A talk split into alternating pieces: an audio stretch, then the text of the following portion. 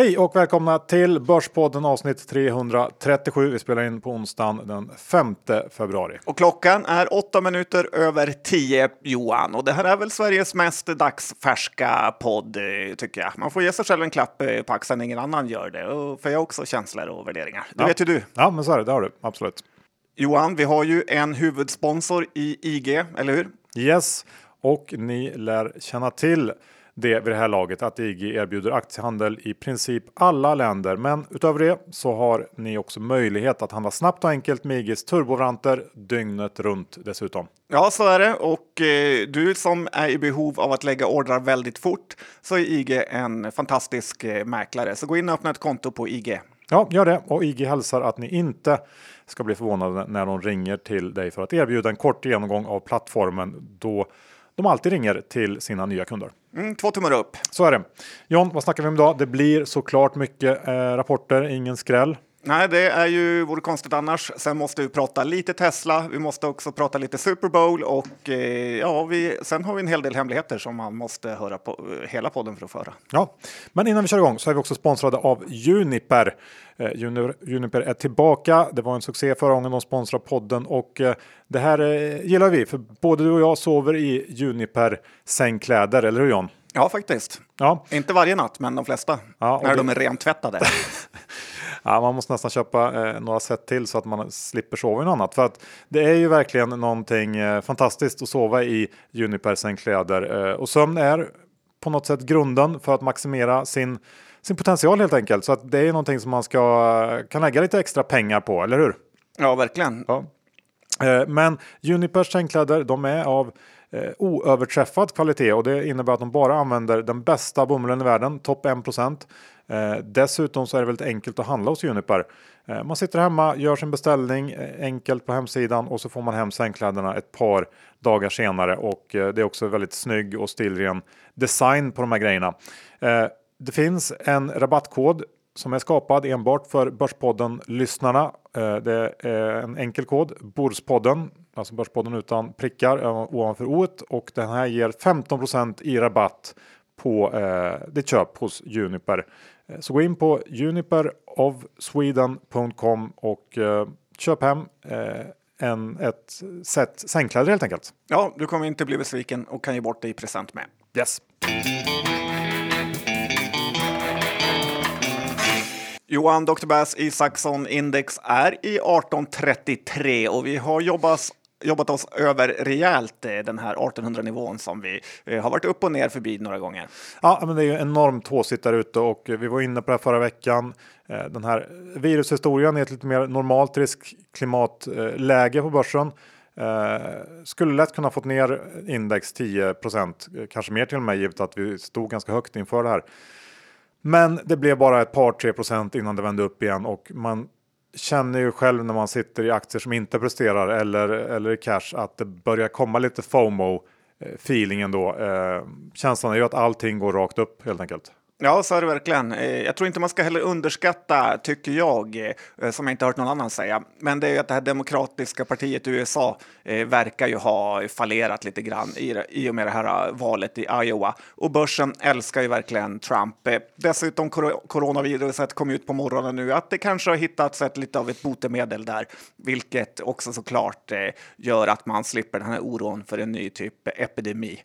Så att det, det är ja, mycket, det, allt tolkas positivt positivt nu. Ja, och den här, den här eh, liksom håsighets och FOMO-känslan förstärks ju lite grann av det som Tesla hittat på här under sista veckan.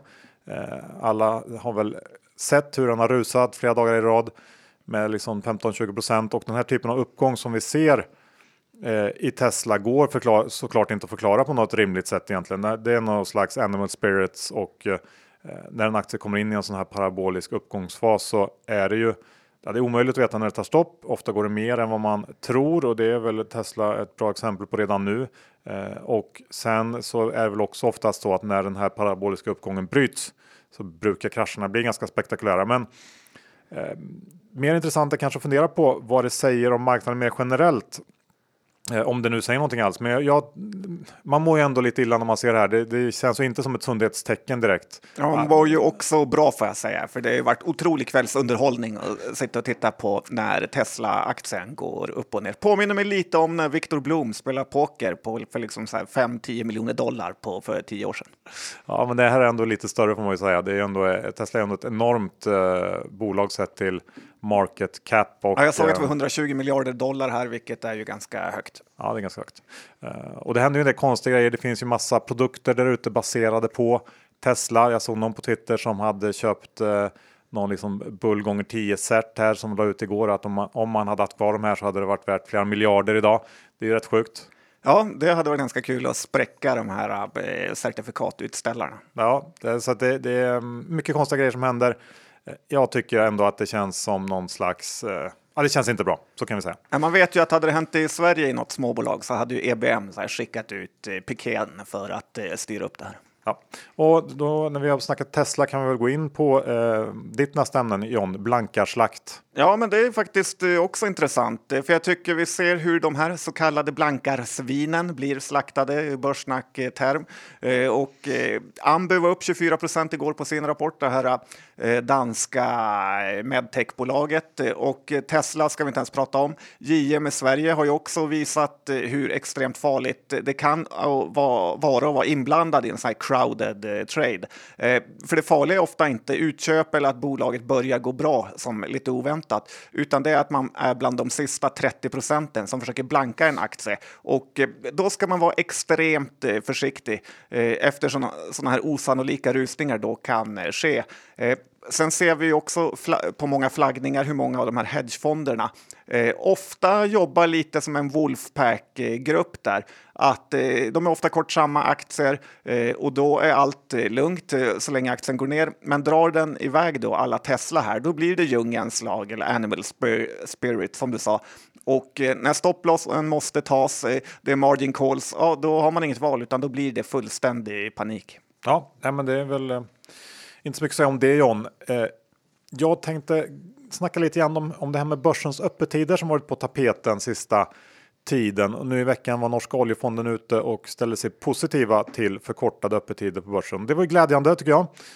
Vad säger du John? Ja, det är jag verkligen för. Ja, eh, men så läste jag att ett par sparekonomer tyckte motsatsen, vilket jag har väldigt svårt att förstå.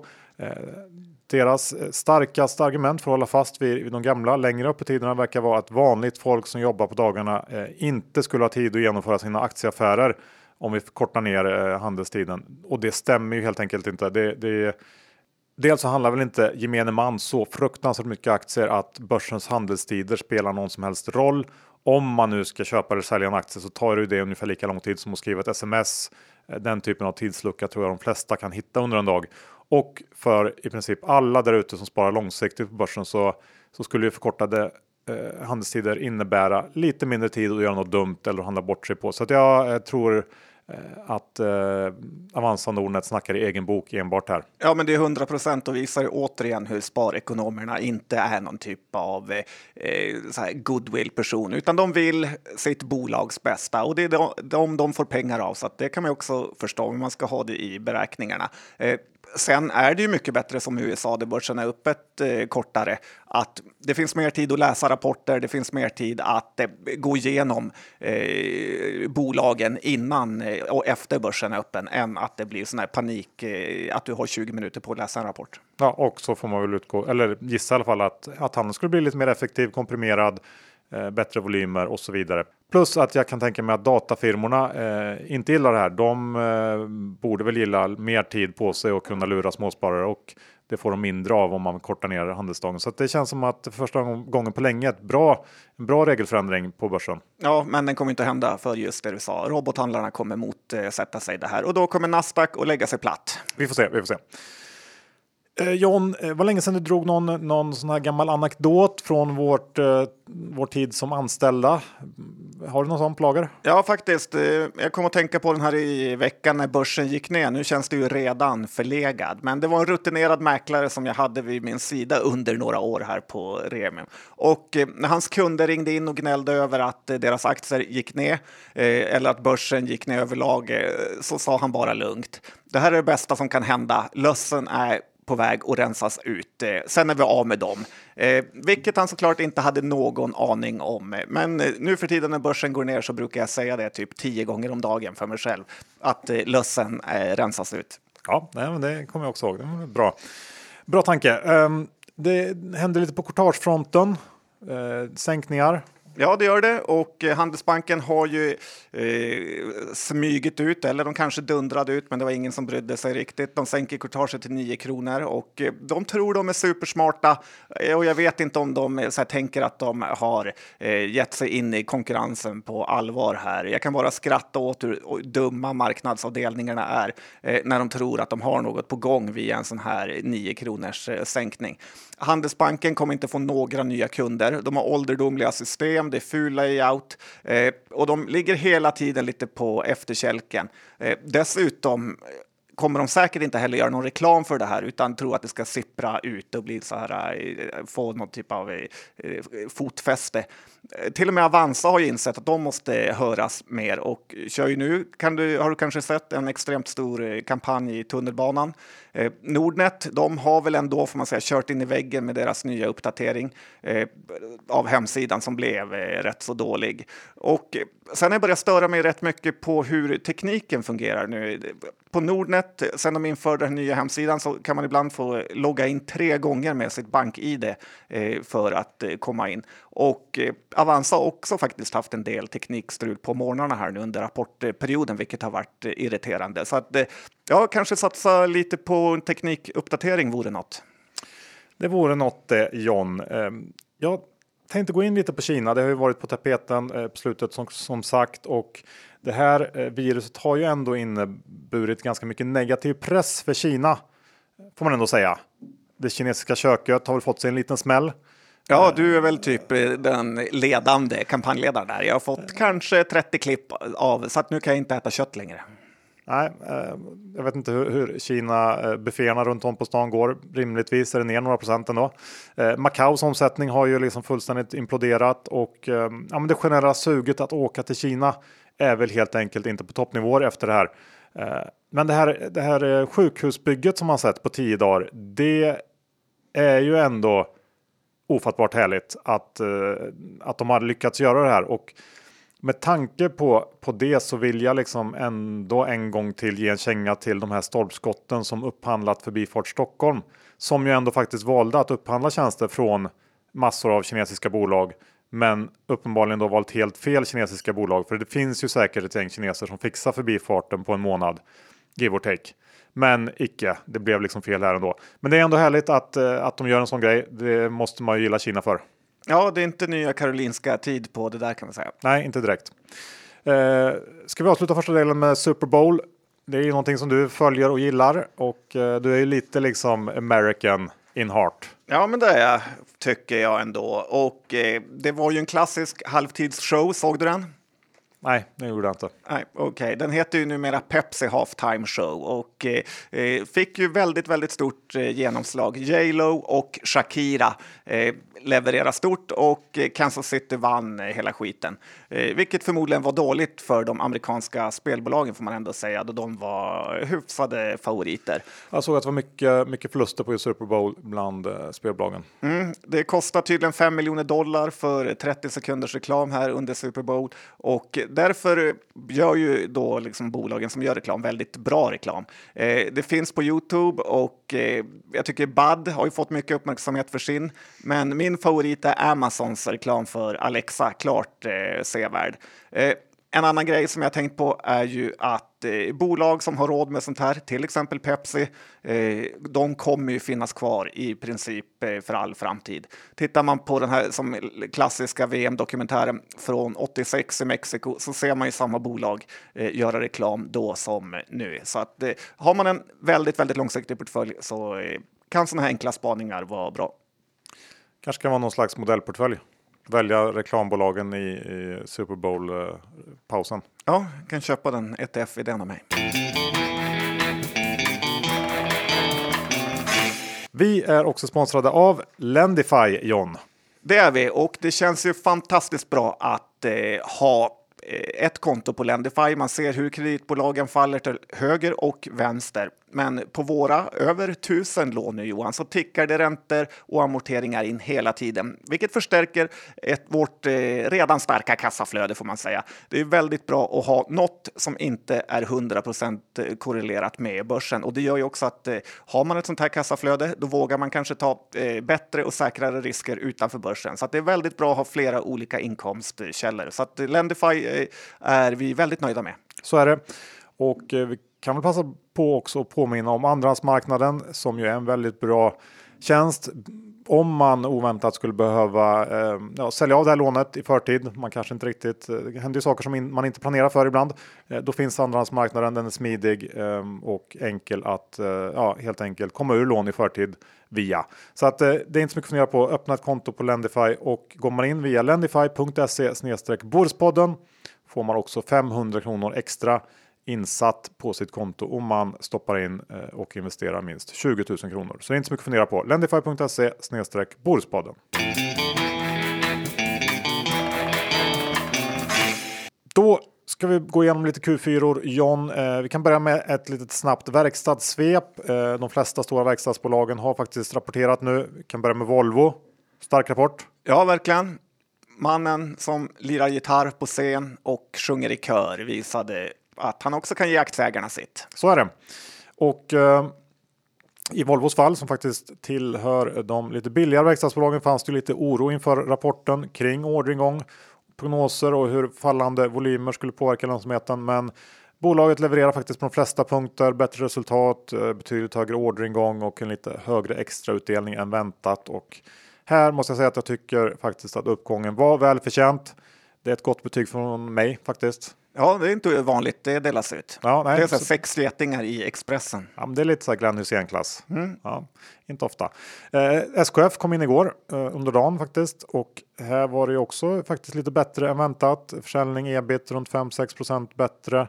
Eh, och det var väl lite oväntat eftersom vi har sett svaghet i motsvarande delar hos både Atlas och Sandvik tidigare här under rapportperioden och eh, här får vi också säga att SKF har gjort det riktigt bra under fjärde kvartalet. Um, SKF är ju lite liksom den fula ankungen i verkstadssektorn som många tycker inte håller riktigt samma kvalitet som de övriga. Jag läste idag att Bråse skrev i DI att man skulle ta bort fula ankungen status eller fulindustristatus på SKF så att de kanske kommit förbi det.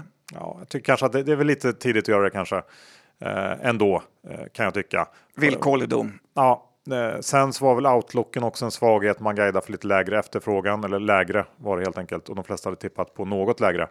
Eh, och Stora grejer. Ja, men det, det är detaljer såklart. Sen så mildrades det, här väl under konfkålet tror jag det var när, när Alrik eh, sa att de även vägt in coronaviruset i outlooken och det har jag inte sett något annat bolag gjort på det sättet.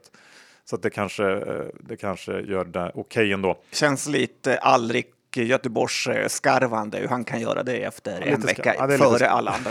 Lite skarvande, men hur som helst aktien upp 800% på det här. Eh, det tycker jag ändå var en överreaktion. Så bra var det inte. Eh, Men jag kan låta det gå den här gången just för att eh, SKF har varit så ifrågasatt inför. Men ja, jag jag är inte jätteupphetsad kring SKF ändå. Nej, tre getingar. Något sånt. Ska vi ta Alfa också? Alfa Laval rapporterade också igår, liknar SKF ganska mycket, runt 5% bättre. Eh, men däremot en miss på ett par procent på orderingången. Eh, här har jag känslan av att det fanns ganska mycket högre förväntningar ändå på orderingången och då framförallt inom det här marinområdet som överraskat hos Wärtsilä tidigare. Eh, aktien upp över 7 på den här rapporten och överdriven uppgång, min dom. Ja, faktiskt. Det var väldigt konstigt hur den kunde ta fart. En sak som jag tycker är lite underlig är ju hur Traton eh, värderas. Man gillar Volvo, men ingen verkar gilla Scania. Så att, ja, konstigt. Jag tror nog ändå att man ska hålla ögonen uppe på Traton. Kanske, kanske inte, svårt att säga. Ja, bra. Och idag kommer Hexagon också. Vi kan bara snabbt säga det. Ola levererar, levererar ju som vanligt eh, siffror som är lite, lite bättre än väntat. Eh, precis som vanligt helt enkelt. Aktien upp några procent på det va, här på morgonen. Ja, får se om han säljer ut de sista aktierna här och eh, lämnar eh, över. Jag vet inte vad, hur långsiktigt han är, men han har ju dumpat aktier ett tag så att eh, man skulle inte bli förvånad. Nej. Hur som helst, det var inga, inga konstigheter i den här rapporten i alla fall. Eh, vi går över till någonting mycket, mycket mindre. Hövding. Ja, det här var ju, nu har du tagit upp bolag som har gått bra, men Hövding fick ju faktiskt annonsera här att de skulle göra en nyemission. Eh, ändå ganska väntad tycker jag, eh, men det konstiga var att den var så liten, bara eh, 25 miljoner kronor här. Eftersom citat logistikutmaningar gett eftersläpning i försäljningen. Eh, Hövding har ett börsvärde på 500 miljoner kronor och eh, man får väl en känsla här på att ägarna har ledsnat lite grann på alla eh, nyemissioner och eh, vill därför hålla den liten. Det är ju bara 5% av börsvärdet här. Eh, jag tycker den är för liten och jag är faktiskt också 0% imponerad över Hövdings eh, tredje version av den här med hjälmen eller airbagen eller vad de vill kalla det. Eh, rapporten kommer ju komma nu den 19 januari, eh, februari, lite framflyttad och eh, jag klassar väl det här nästan som en lite av en vinstvarning då det känns ju omöjligt att komma med en bra rapport efter man har fått eh, annonsera en nyemission på grund av logistikproblem, behöva pengar. Eh, ja, det kan inte komma en bra rapport så att eh, för mig skulle jag sälja aktien och vänta fram till eh, teckningsrätterna. Ja, men det låter väl rimligt. Uh, ska vi ta? Jag har en, en trio som jag kallar lite för Losers Lounge jag har en, fjärde, ett fjärde bolag som in, nästan kvalade in här men som inte gjorde det ändå. Eh, jag tänker på AdNode, har du någonting att säga om dem? Ja, men det har jag faktiskt. Och det här är väl, eh, jag vet inte varför det inte skulle kvala in där, men det är ju ett av börsens absolut dyraste bolag och eh, man hade väl väntat sig en bra rapport med tanke på värderingen med växande vinst och så vidare, men inte kom det någon sån. Adnode, vad ska man säga Johan, är den typ av it-koncern med massa olika bolag. Eh, är det rätt? Ja, det är det väl. Och så köp, de köper och liksom. Ja, ja. Sådär. Ja, tack för förklaringen. Men de har ju på 2019 ut P-tal på 47 eh, och det stora motivet till det här är ju att bolaget har 63% återkommande intäkter och eh, det är ju sånt som börsen älskar. Att det ingenstans presenteras vilken körn de har, alltså ofta kunderna byts ut en sak som ingen verkar bry sig om. Eh, att de bara är klassade som återkommande räcker. Vitec och Adnode skulle jag säga tillsammans med kanske eh, Sectra har ju bara försvunnit ut i börsrymden där värdering inte betyder så mycket eh, längre. Eh, att, en, att ett sånt här bolag eller aktie bara går ner 3 eh, på den här rapporten Johan, det är, ja, det är ju ett högt betyg till eh, de som tror på den. Ja, nej, men jag håller ju med. Egentligen borde den kanske varit med i min Losers Lounge trio eller kvartett hade det blivit då. Men, men, nej, men jag håller med. Det är svårt att, att försvara värderingen eh, helt enkelt. Men, men om jag ska gå in på den här trion som, som jag ändå valde att ta med då, eh, för det har, har, ju varit ganska mycket dåliga rapporter ändå får vi säga. Kanske man inte tror när man tittar på börsen, men så är det ändå. Ja, det är det verkligen. Ja, eh, de jag har valt ut eh, ändå är HMS, Cellavision och Lifco. Eh, gemensamma nämnaren. Alla är, är brutalt liksom övervärderade, dyra och eh, anses eh, ändå vara någon slags kvalitetsaktier på något sätt. Ska vi börja med HMS? Det är ett bolag som du har lite koll på. Tappa, ja. tappa 5% på omsättningen, 36% av resultatet. Orderingången var ner 13 eh, Inte roliga siffror. Det finns ju absolut inte utrymme för den typen av missar eh, när, man, när man är så dyr som HMS är man får ju säga det att Beijer Electronics som är ju liksom en, eh, den eh, fula lillebrorsan, eller vad säger man? Kan man säga om man vill. Ja, det är lite konstigt. Nytt, nytt sagt, eh, nytt ordspråk, men de underlevererade ju också på sin rapport. Så att det här med maskiner som pratar med varann, som ja, dels då Westermo håller på med inom Beijer Electronics och HMS, då har ju verkligen inte visat sig vara starkt just nu i alla fall. Nej, det är lite märkligt att man ska värdera upp de här grejerna så oerhört mycket varför kan man fråga sig när det inte är stabilt. Det är samma sak i, i, i Salvation som jag ska ta upp senare. Men att det är väldigt slagigt. Jag vet inte, är det inte det man betalar för egentligen? Man skulle nästan kunna hävda att liksom verkstad är ju den mest stabila gruppen av alla. Ska inte det vara?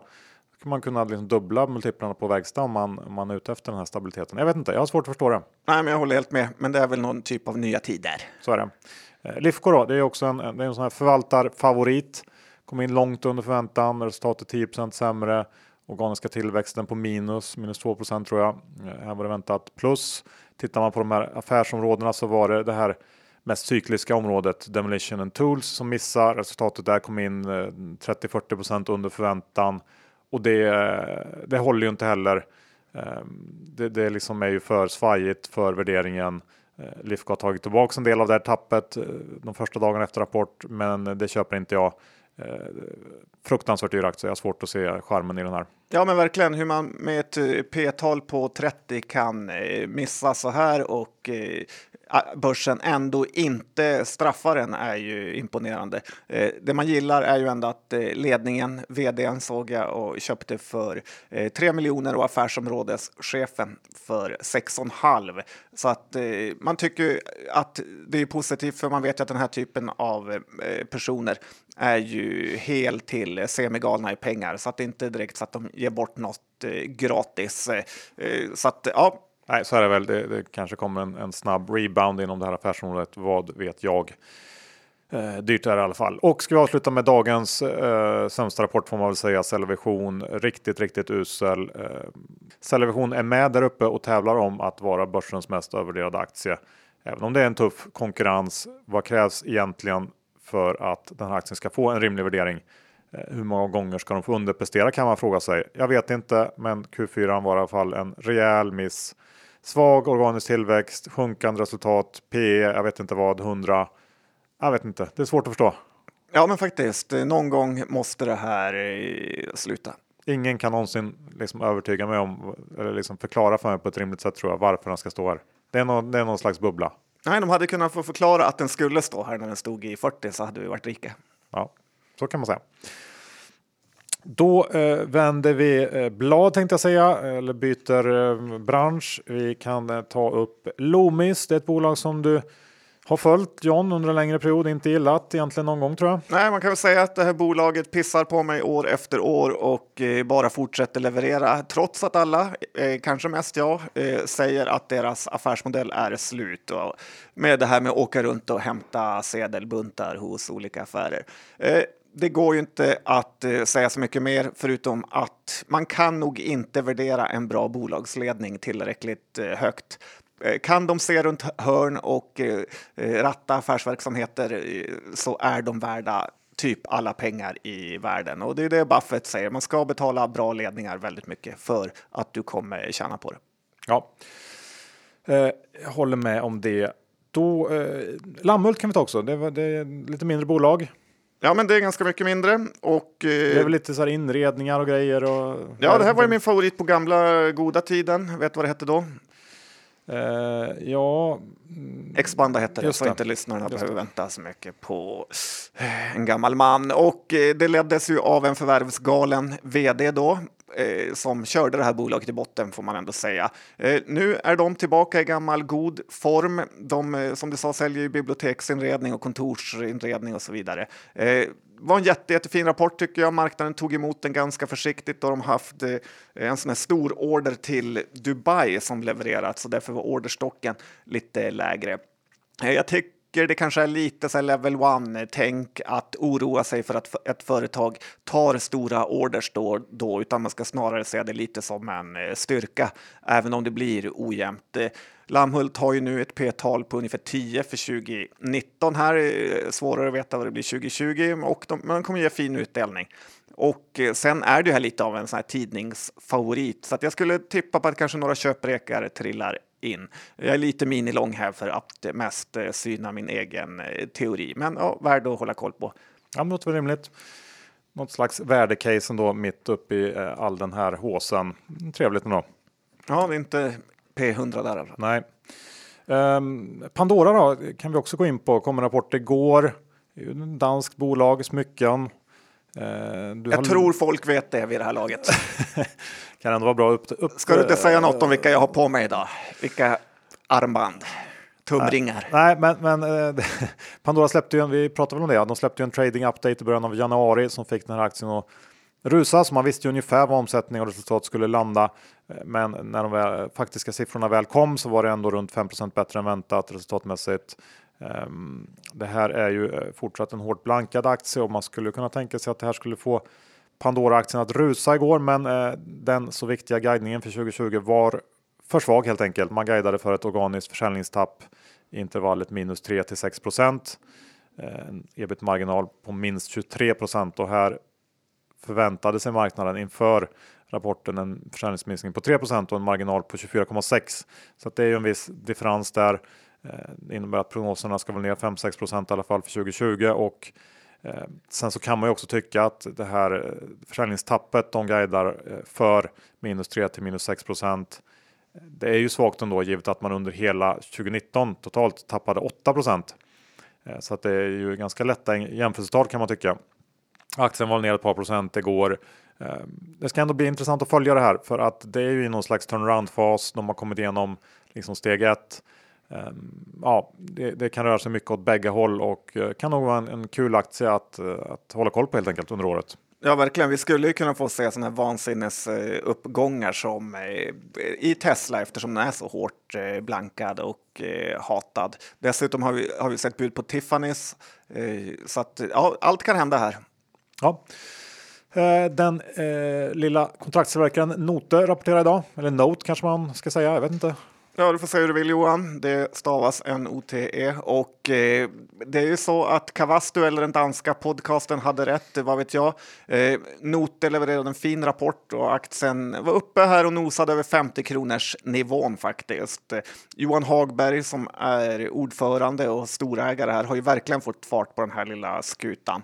Eh, Note är också ett sådant bolag som verkligen skulle kunna gynnas av det här coronaviruset. Eh, att eh, bolag vill inte ha tillverkning till tillverkning i Kina och skicka personal fram och tillbaka, utan man tar hellre en eh, timmes biltur till eh, Norrtälje och kollar lite grann vad som händer där. Så jag tror de har en fördel där av att de inte har eh, flyttat ut all tillverkning. Nej, det håller jag med om, det är en bra poäng. Det tror jag också kan vara en någon slags lite semistrukturell drivkraft för den här typen av, av business.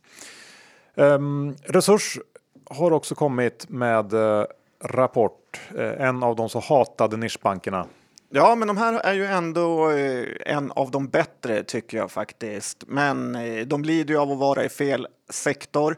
Eh, jag tror ju att Resurs är ett mycket bättre bolag än vad Collector är, eller i alla fall var. Då Resurs verkar ha lite mer egna kunder och lite långsiktiga samarbeten med typ Biltema, Jyske jämfört med Collector som man i alla fall har hört bara verkar ha köpt in lån på så bulk. Eh, Resurs är ett bolag som har ett p-tal under 10, också billigt.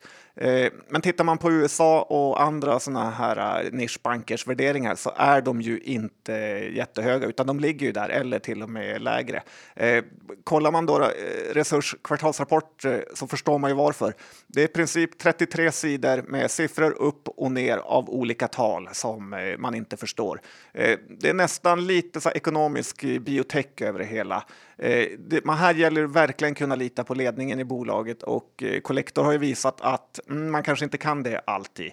Eh, man skulle kunna ha en liten del resurs i en utdelningsportfölj som eh, krydda nu när direktavkastningen är typ över eh, 7 och dessutom så kommer det hamna på sådana här listor över bolag som har högst direktavkastning. Så att det kan vara något att kika på, även om det inte ska vara ett liksom, stort inslag i en portfölj. Jag håller nog med där. Det är väl så man får se det. Eh, ska vi avsluta? Vi måste väl säga några ord om H&M också kanske efter veckans eh, händelser eller var det slutet av förra veckan. Eh, där det dels kom rapport eh, och ledningsstyrelse eh, liksom rokad. Ehm, och några snabba ord om rapporten. Det var ju eh, känns som att H&M äntligen har lite fast mark och står på. Vinsten steg för första gången på 7-8 kvartal eh, och eh, ja, det, det Sen så gjorde man också den här förändringen. Eh, ny vd Helena Helmersson, Karl-Johan tar steget upp till ordförandeposten. Eh, pappa eh, lämnar och eh, ja, det känns som att de vänder blad lite grann nu. Jag tycker ändå man får säga att familjen har gjort det här väldigt, väldigt bra. Eh, hade ju inte varit möjligt utan en, en riktigt stark huvudägare som Persson har varit och eh, det trista är väl att aktien har prisat in en vändning väldigt länge Eh, och det är väl också delvis eh, pappa Perssons fel som köpte så fruktansvärt mycket aktier när det såg som värst ut. Så att det blev aldrig riktigt billigt. Eh, men jag, jag, tycker ändå att man får ge dem en eloge. Det har inte varit en, en lätt omställning. Sen så är de väl inte helt igenom det, men det ser ju ändå lite lugnare ut nu än vad det gjort på väldigt länge. Ja, och Helena Helmersson är ju från Skellefteå och pluggat på Umeå universitet. Så liten fjäder i hatten för dem får man säga. Ja. Slut på avsnitt 337. Vi tackar IG. Det gör vi. Ni vet, de har turbovaranter, de har en väldigt bra app och de ringer alltid sina nya kunder. Så gå in på ig.com. Ja, och passa på att ta chansen och klicka hem eh, sängkläder från Juniper. Vi sover bägge två i Juniper sängkläder eh, och det eh, har faktiskt förändrat vår sömn till det bättre. Eh, rätt fantastisk skillnad faktiskt mot de gamla man hade.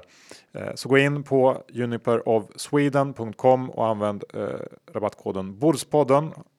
Det ger dig 15% rabatt. No-brainer. Ja, använd lite av börspengarna till livskvalitet. Exakt. Och såklart skaffa dig ett till kassaflöde via Lendify. Gå in på lendify.se Borspodden så får du den här femhunkan som start. Det är bra. Ja, och eh, andrahandsmarknaden är väldigt, väldigt bra.